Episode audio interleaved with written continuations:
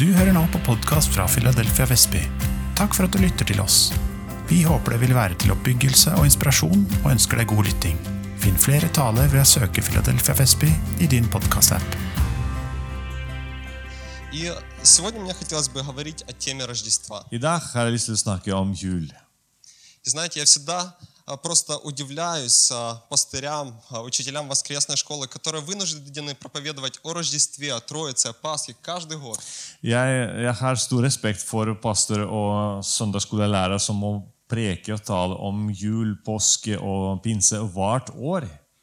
Они проповедуют людям, которые не первый год уже в церкви, из года в год.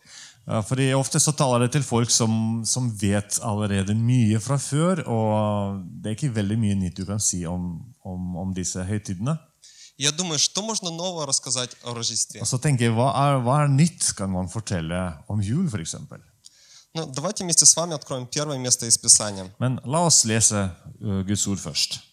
Это второе послание Петра, Vi leser fra andre, uh, Peters andre brev, Третья глава, kapittel 3, первый и второй стих.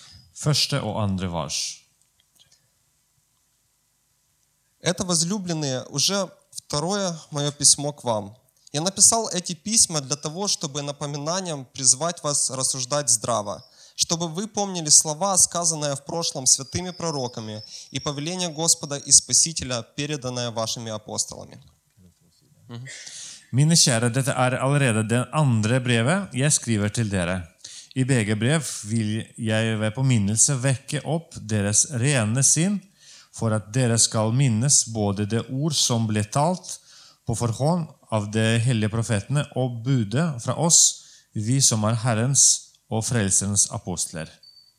Апостол Петр говорит, что он какие-то вещи уже пишет во второй раз. Eh, Peter, Apostelen Peter han skriver her at det er noen ting som det jeg vil formidle til dere. Det skriver jeg på andre gang allerede for dere.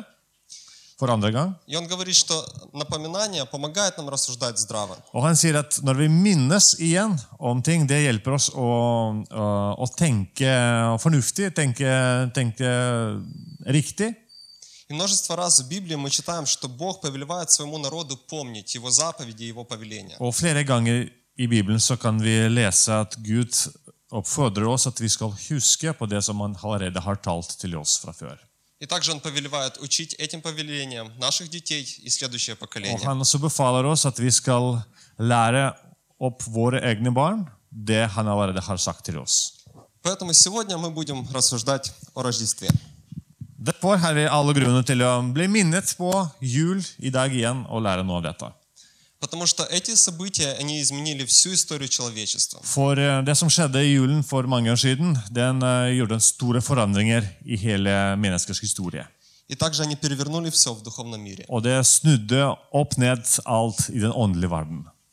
Итак, название моей проповеди сегодня «Кто этот младенец?». Eh, Temaet til pre- preken i dag hvem er dette barnet?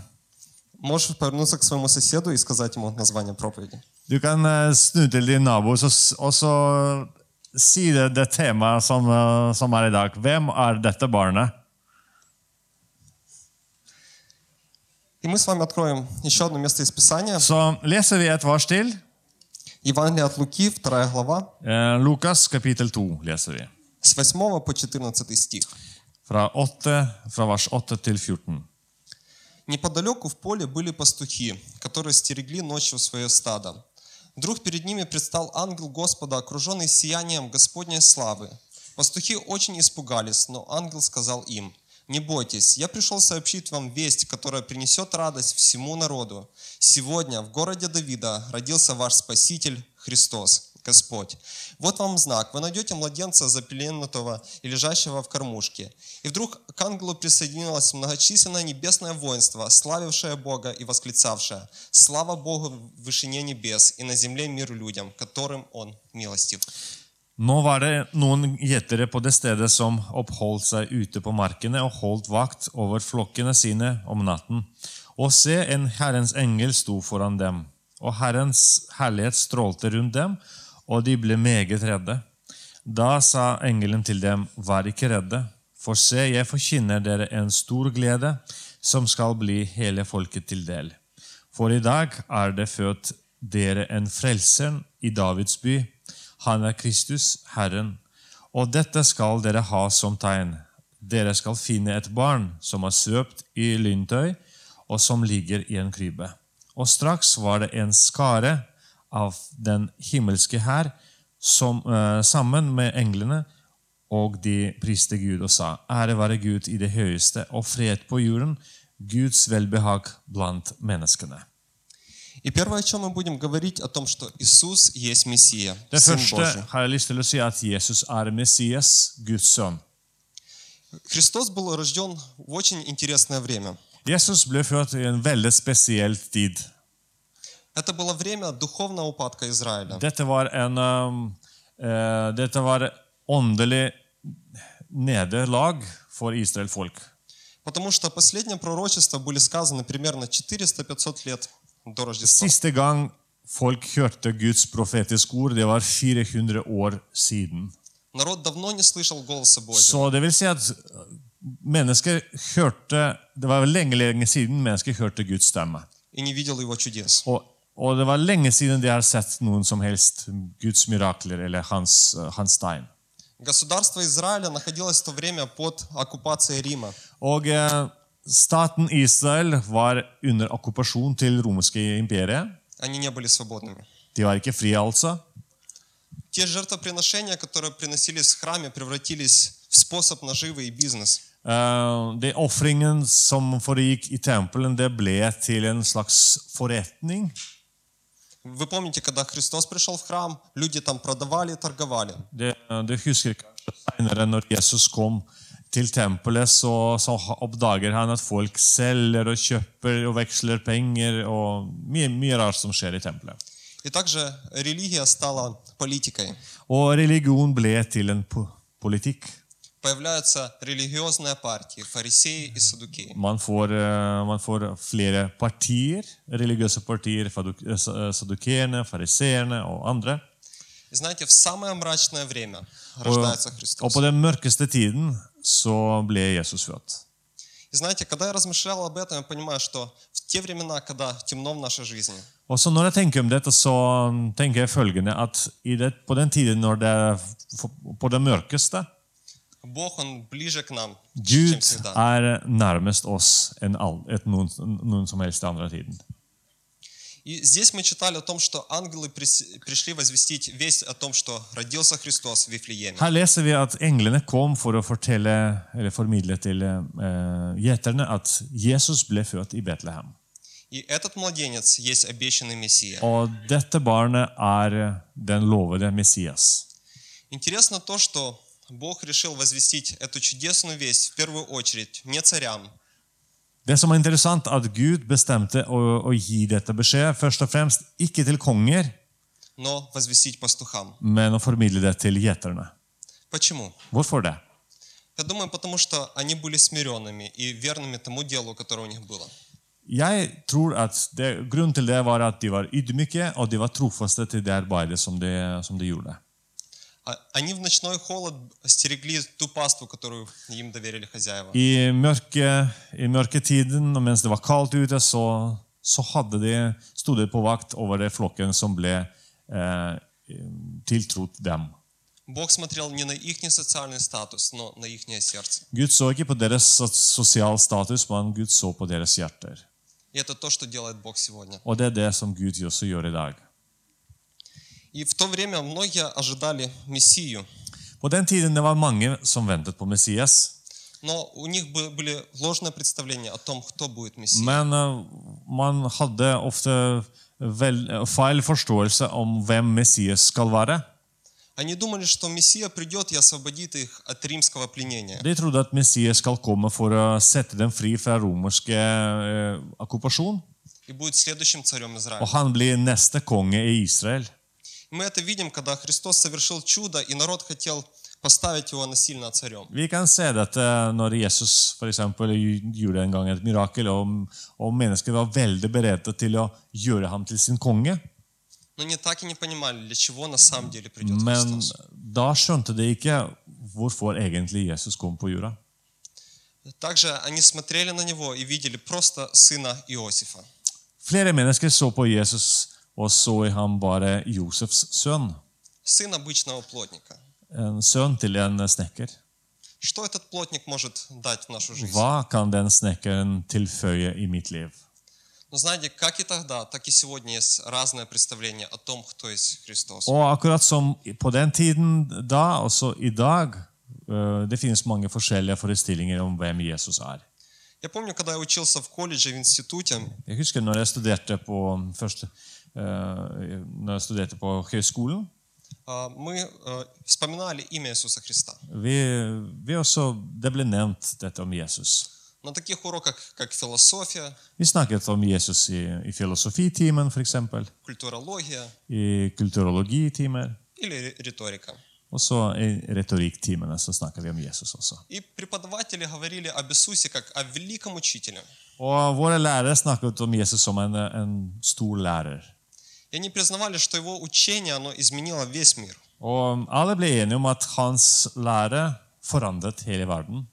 Они говорили о нем как о великом делателе. Eh, De snakket om ham som en, em, som en stor eh, ja, stor handler eller stor, stor helt. Но Offentlig никак, person, но никак о Господе. men ikke som om en herre. herre. И знаете, если Христос, он, э, Иисус, он только есть Иисус, Og hvis Jesus er bare Jesus, просто человек, bare et menneske, то в этом нет никакого смысла. det er, det er ingen mening i hele budskap, julebus- jule- juleevangeliet. Потому что в истории человечества рождалось множество великих людей. Fordi det var mange mennesker, mange store mennesker ble født her i verden i sin tid. Они рождались и умирали. Flere, alle av dem ble født en dag, en, en dag, og så døde de etter hvert. Alle av dem har eh, etterlatt et eller annet arv til mennesket, men eh, allikevel menneskets liv ble ikke så veldig mye forandret. Det finnes sånne eksempler også i andre religioner. Упоминается имя Иисуса. Og Jesus også kan, eh, kan nevnes i andre re- religioner òg. Эти религии признают Иисуса как великого пророка, Eh, Flere respekterer Jesus som en stor profet, как учителя, som en lærer, но не как Христа men и Мессию. ikke som Kristus eller Messias. Есть э, интересная э, статистика. Det finnes en interessant statistikk. В 1958 году I 1958 профессор математики и астрономии Питер Стонер рассчитал шансы исполнения восьми э, про- мессианских пророчеств об Иисусе Христе из 108. eh, en, eh, en, mate, eh, en eh, professor i matematikk, han heter Peter Sto- Stoner, han, eh, han kalkulerte hvilken tilfell, eh, hvor, hvor stor tilfeldighet er at åtte av messia, eh, eh, profet, profetier om Messias kunne komme i oppfyllelse. И, как вы знаете, множество из этих пророчеств были сказаны за сотни лет до рожде- рождения Иисуса Som Христа. dere kanskje vet, at mange profetier om Jesus ble talt flere hundre år før Jesus ble født. И вероятность составила один из одного. Så den tilfeldigheten til åtte av de 300 profetier som vi har om Jesus, И дальше идет, Ар- ци- и дальше идет цифра с единичкой и Эм. 17 нулями. det, det er én sjanse av én med 17 nuller bak. Кто-то знает, как называется эта Jeg vet цифра? ikke om kanskje noen vet hva heter den, dette tallet engang. Я тоже не знал. Eh, hva, hva dette tallet heter. Эта цифра называется квадриллион. Kvadrillion. de fant jeg etter hvert. Но знаете, это все очень удивительно. Det er veldig interessant alt sammen. То, что множество пророчеств в точности исполнились в Иисусе At Христе. mange profetier ble nøyaktig oppfylt i Jesus. Он не может быть просто человеком. Han kan ikke være bare et menneske, Но Иисус есть Христос. men Jesus er Kristus. Мессия, Сын Божий. Messias og Guds sønn. И знаете, я помню, как некоторые дети в воскресной школе спрашивали, Христос – это фамилия Иисуса? Jeg husker når jeg på, på søndagsskole noen av våre barn spurte eh, er Kristus, er det, Kri- hva er det Kristus er det etternavn til Jesus. Но это его титул, это то, кто он есть. Dette er hans tittel. Det, det er den han er. И этот титул меняет все. Og den tittelen forandrer alt. Да, и за это мы можем прославить нашего Og vi Бога. kan ære og takke Gud for dette. Слава нашему Господу. Prise Herren. Следующее место, которое Эм, мы с вами откроем, Vi skal это, lese et vers til. Bibelvers til. это послание к евреям, Eh, Vi leser fra Hebreerbrev, 4 глава, kapittel 4, 15 и 16 стих. 15 og 16. Наш первосвященник не из тех, кто не может сочувствовать нам в наших слабостях. Он был искушен во всем, как и мы, за исключением греха. Поэтому мы можем смело приходить к престолу благодати, чтобы получить милость и обрести благодать для своевременной помощи. For vi har ikke en overste prest som ikke ha, kan ha eh, medlidenhet med våre skrøpeligheter, men en som i alle ting er blitt prøvd slik som vi, men uten synd. La oss derfor komme fram til nådens trone med frimodighet for at vi kan få miskunn og finne nåde til hjelp i den tiden vi trenger det. И также мы можем открыть посла- э, книгу пророка Исаии, Jesajas, også, eh, vi leser også fra Jesajas bok, 53 глава, kapittel 53, с 1 по 3 стих. fra vers 1 til 3. Кто поверил слышанному от нас, и кому открылась мышца Господня? Он пророс перед ним, как нежный побег, и как корень, как корень из сухой земли. Не было в нем ни красы, ни величия, что нас к нему привлекли бы. Ничего в его облике того, чем бы он был желанным для нас. Он был презрен и отвергнут людьми, человек скорбей, знакомый с недугом, как тот, от кого прячут лица. Он был презираем, и мы не ставили его ни во что. Hvem trodde det budskapet vi hørte? For hvem ble Herrens arm åpenbart? For han skjøt opp som en spire for hans ansikt, som et rådskudd ut av tørr jord. Han hadde ingen vakker skikkelse og ingen herlighet. Når vi så ham, fikk vi ingen glede i synet av ham. Han var foraktet og forkastet av mennesker, en smertenes mann, vel kjent med sykdom. Folk skjulte sitt ansikt for ham. Han var foraktet, og vi regnet ham for intet. Второе, о чем мы будем говорить, о том, что Иисус был человеком. Den andre ting som jeg har lyst til å si i dag, er at Jesus han var også et menneske. Но перед этим мы говорили, что Он есть Бог. Første vi sa, at han er Gud. И в Библии мы читаем о том, э, как э, пророки описывают Бога. Og I Bibelen så finner vi mange skriftsteder hvordan profete- forskjellige profeter beskriver Gud. О том, что Он пребывает не в преступном свете, At Gud er, um, han er atskilt av verden, at han er i den, i, uh, befinner seg i lyset. и ангелы, не умолкая, славят Его и Og возвышают. at Он свят. englene ærer han og tilber han hele tida. Иоанн, когда увидел Его, Når Johannes eh, så åpenbaring om Jesus, он говорит, что Он выглядел как сверкающая молния или как огонь поедающий. han beskriver at Jesus han så ut som en lyne som strålte, И из Его уст выходил обоюдоострый меч. og så ut fra munnen hans gikk en sverd. Но несмотря на всю Его славу и величие, Men eh, uansett den, all den herlighet som Jesus har som Gud, Он решает прийти на эту землю. младенец. Jesus for å komme ned på jorda for å Почему? bli et menneske. Почему? Hvorfor det? Чтобы быть ближе к тем, кого Он так сильно любит. For å være nær til de han er glad i.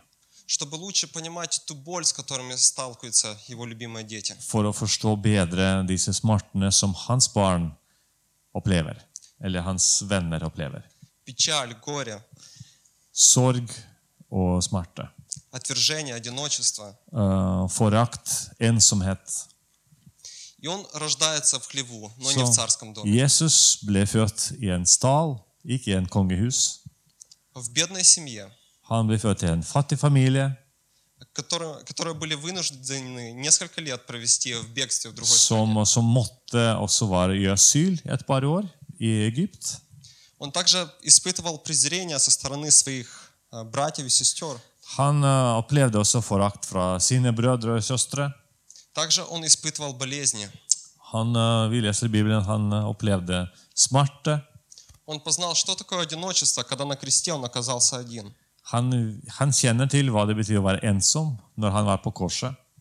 Он познал, что такое предательство, когда один из самых близких людей предал его поцелуем. Han kjenner eh, hva det betyr å være forrådt når en av de nærmeste vennene hans forrot han, Он претерпел побои. og han ble slått. Он слышал издевки в свой адрес. Han var mobbet, И он также знает, что такое потерять близких людей. og han vet hva det vil si å miste nære venner. П- Потерять отца. Og miste far.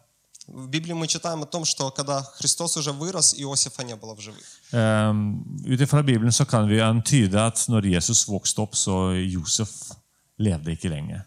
И знаете, во всем этом мы можем увидеть то, что Христос, Он очень похож на нас. I all dette så kan vi se at Jesus ligner veldig mye på oss. Мы не можем сказать, что у нас нет части в Нем. Eh, Vi kan ikke si at vi har ikke en del i ham. Мы не можем сказать, что Бог, Он очень далекий от Vi нас. kan ikke si at Gud er veldig l- langt borte fra oss, Fordi han også gikk gjennom akkurat det samme ting som du og jeg går gjennom i hverdagen. Vet, vet du hva Jesus gjør nå mens han er i himmelen? Han ber for oss, og han går i forbønn for oss for sin far. Og han sier til sin far, 'Far, jeg ser mine venner'.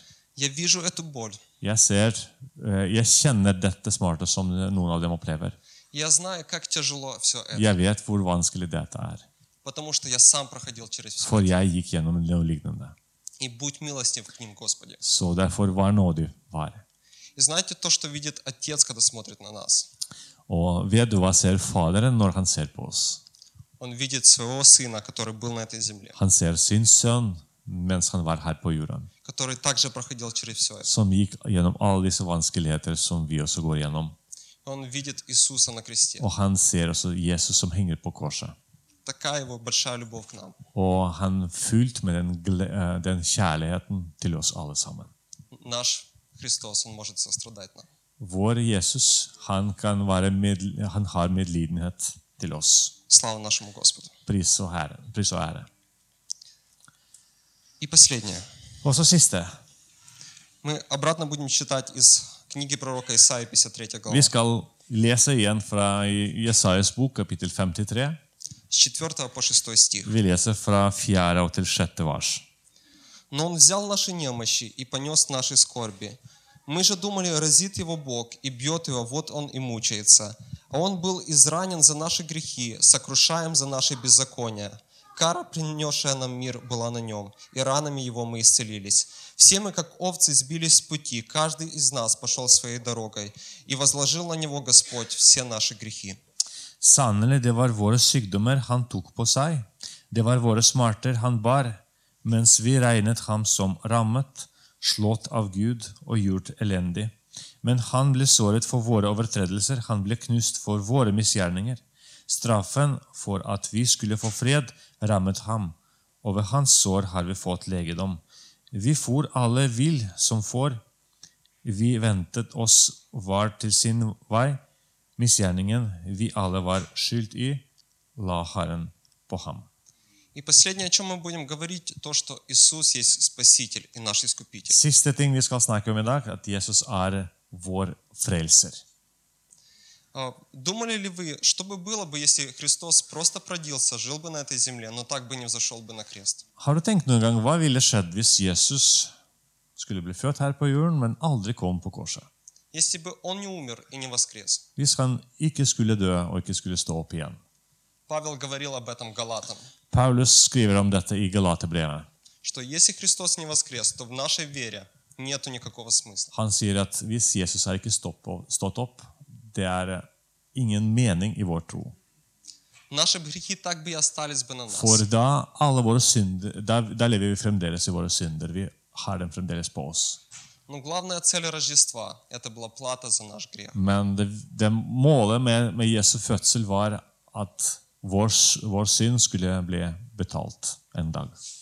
И на самом деле у Иисуса был выбор. Jesus hadde et valg.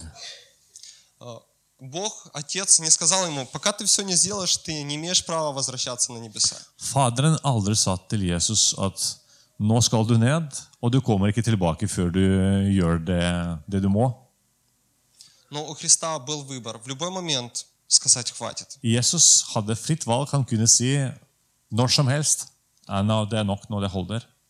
Он мог сказать «хватит, я и так уже достаточно претерпел». Han kunne sagt ja, nå har jeg led masse her, nå, nå vil jeg tilbake. Я претерпел презрение, б- боль, отвержение. Nå var det Достаточно. altfor mye smerte, nå var det altfor mye ensomhet, nå var det altfor mye av det onde. Jeg vil tilbake til Faderen. Но Христос смотрел наперед. Men Jesus så fremover. Он хочет привести всех своих детей к себе. Han vil lede alle sine barn til Faderen. Поэтому его любовь, она была сильнее его страха и сомнений, когда он был Derfor кресте. Jesu kjærlighet var sterkere enn den frykten eller smerte som han opplevde på korset. И sуществует очень сильная фраза, которая гласит о том, что не гвозди держали Иисуса на кресте, но его любовь к нам. Det finnes en ordtak som man sier det var ikke, det var ikke neglene som holdt Jesus på korset, men det var hans kjærlighet til oss. Поэтому сейчас мы имеем спасение, прощение и жизнь в этом младенце, который есть Христос. Og takk være dette, så i dag har vi tilgivelse og det evige liv. Takk være det barnet som ble født i Betlehem. Велик наш Господь. Vår Gud er stor. И последнее, что мы зачитаем и будем молиться. Siste ting som vi skal lese i dag, og vi skal be etterpå. Евангелие от Иоанна, 3 глава, Jeg leser fra Johannes evangeliet, kapittel 3, с 1 по 3 стих. fra vers 1 til 3. Среди фарисеев был один человек, которого звали Никодим. Он был из иудейских вождей. Однажды ночью он пришел к Иисусу и сказал, «Рави, мы знаем, что ты учитель, пришедший от Бога, потому что никто не может совершать таких чудес, которые ты совершаешь, если не будет с ним Бог». В ответ Иисус сказал, «Говорю тебе истину, никто не может увидеть Божьего Царства, если не будет заново рожден». Det var en mann blant fariseerne som het Nikodemus. Han var en av jødenes rådsherrer. Eh, denne mannen kom til Jesus om natten og sa til ham, Rabbi, vi vet at du er læreren kommet fra Gud, for ingen kan gjøre disse tegnene som du gjør, uten at Gud er med ham. Jesus svarte og sa til ham, Sannelig, sannelig, sier jeg deg, den som ikke blir født på ny, kan ikke se Guds rike. Другими словами, Никодим пришел и сказал, «Иисус, мы знаем, что Ты есть Мессия, что Ты есть человек и Ты есть Спаситель». Med andre ord, når Nikodemus kom, så sier han vi vet, Jesus, vi vet at du er Messias, at du er et menneske, og du er frelseren. Но знаете, просто знания, они не спасают людей, Men eh, du vet, kunnskapen frelser ikke. но спасает вера. Det som frelser oss, det er tro. И поэтому Христос ответил ему, что ты должен быть заново рожден. Det er derfor Jesus sier til Nikodemus, du skal bli født på ny. Так как Иисус был рожден в этом мире больше, чем 2000 лет назад, Jesus ble født for 2000 år siden. теперь Он хочет родиться в наших сердцах и в наших жизнях, Men han har lyst til å bli født, bli født også i våre hjerter, i våre, i våre liv. возродить наш дух. Han vil gjenopprette vår ånd. И знаете, мы празднуем Рождество. Og eh, når vi feirer jul, Мы собираемся всей семьей, så samles ofte familien sammen. кушаем прекрасный ужин Så spiser vi god mat, и говорим «Спасибо тебе, Иисус». og så da sier vi 'takk, Jesus'. Но самая большая благодарность и самый лучший подарок для Иисуса будет не это. Men eh, det største glede og den største gave som Jesus kan få, det er ikke, bo- det er ikke nødvendigvis dette. Og det er ikke dette heller. Лучший подарок для него будет это возвращение его блудных детей. Den største gaven det er når hans eh, bortkomne sønner og døtre kommer tilbake. И мы читаем в Библии о том, что он не может удовлетвориться 99. Og Vi leser i Bibelen at Jesus er ikke, Jesus er ikke fornøyd når 99 er kommet. 99 er tilbake. У него постоянно не уходит с головы та единственная заблудшая овечка. Det er alltid den siste, den ene siste, den hundrede, som man tenker på. И он не находит себе покоя, но как тот отец, он выходит каждый раз и смотрит, где есть его сын. Og han, eh, han, han får seg ikke ro. Han kommer ut, og han leter etter, og han ser langt borte for å se om ikke den hundrede kommer tilbake. Несмотря на то, что второй сын, он всегда находится рядом с ним, который любит его и верен ему. Selv om han har mange sønner og døtre som elsker han, og som er sammen med han hele tida. И это постоянно в его сердце Dette er Guds hjerte, по сей день. til og med i dag. И мне хотелось бы сказать сегодня, если ты давно в церкви, Jeg har lyst til å si en ting i dag. Det kan hende at du er lenge siden i- her i kirken. Lenge. и ты как э, тот Никодим, который знает об Иисусе Христе, Og det kan hende at du er akkurat som Nikodemus, som kan veldig mye om Jesus. но ты так э, и не попросил возродить твой дух. Men allikevel, du har ikke spurt om Jesus skulle gjenføde din ånd. Ты так и не попросил э, Бога быть твоим личным Господом и твоим Du har ikke Спасителем. spurt Jesus om å være din personlige frelser og herre. Сегодня ты можешь сделать это. I dag kan man gjøre dette. Или же ты давно в церкви, Det kan hende at du også lenge, går lenge her i kirken, но ты утратил ту жажду и огонь по Богу, men, og du mistet den eh, tørst etter Gud. которая была в самом начале. Den tørsten som du hadde, den hunger som du hadde helt i begynnelsen, når du kom til troen. Сегодня то время, когда можно вновь обрести это. I dag er det tid når man kan fornye den hunger og den tørsten. И пастор, он может помолиться за Og вас. så pastor kommer til å be for deg for dette. Или же, возможно, вас сегодня просто переполняет чувство благодарности за то все, о чем мы говорили Men det kan сегодня. hende at du har bare overfylt med glede og takknemlighet for det, for det budskapet og det vi, har, det vi vet om det Jesus gjorde for oss. Мы можем уделить время молитвы и поклонению Богу и говорить спасибо тебе, Бог, за все. Vi kan bruke noen minutter nå for å takke Gud, for å prise Han og tilbe Han. И я бы хотел бы сыграть одну песню, в которой мы можем поклоняться. Jeg har нашему lyst til å spille en sang, så man kan altså bruke det som utgangspunkt for, å, for, å til, for, å, for tilbedelse og bønn. И она говорит о том, Боже, кто может сравниться с тобой? Og den sangen sier Gud, hvem kan sammenlignes med deg? Ты один есть жизнь, Du er livet, ты есть истина, du er sannheten, и ты есть pуть. og du er veien. Мы будем поклоняться нашему Vi Богу. skal tilbe Gud, og så hvis du trenger en forbønn, kom gjerne fram, så ber vi for deg. Er du nysgjerrig på Jesus og lurer på å bli med i en menighet, men vet ikke hvor du skal begynne? Da er du hjertelig velkommen hos oss i et varmt og inkluderende fellesskap. Se filadelfiavestby.no.